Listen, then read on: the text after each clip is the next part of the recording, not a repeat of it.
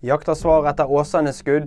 Ingen er så langt pågrepet etter at det torsdag ble oppdaget kulehull i fasaden på politistasjonen i Åsane. Politiet bekrefter at de fleste spørsmål i saken står ubesvart, men at de har en formening om hvilken type skytevåpen som ble brukt. IOC åpner for russere i OL. Russiske og belarusiske enkeltutøvere får delta i OL under nøytralt flagg, ifølge IOC. Av de 4600 utøverne som har kvalifisert seg, er det 11 enkeltpersoner som vil regnes som nøytrale. OL i Paris arrangeres neste år. Streamingboom for sangen i GTA 6-traileren 'Love Is A Long Road' av Tom Petty fra 1989 hadde mellom 4000 og 5000 avspillinger hver dag før traileren kom.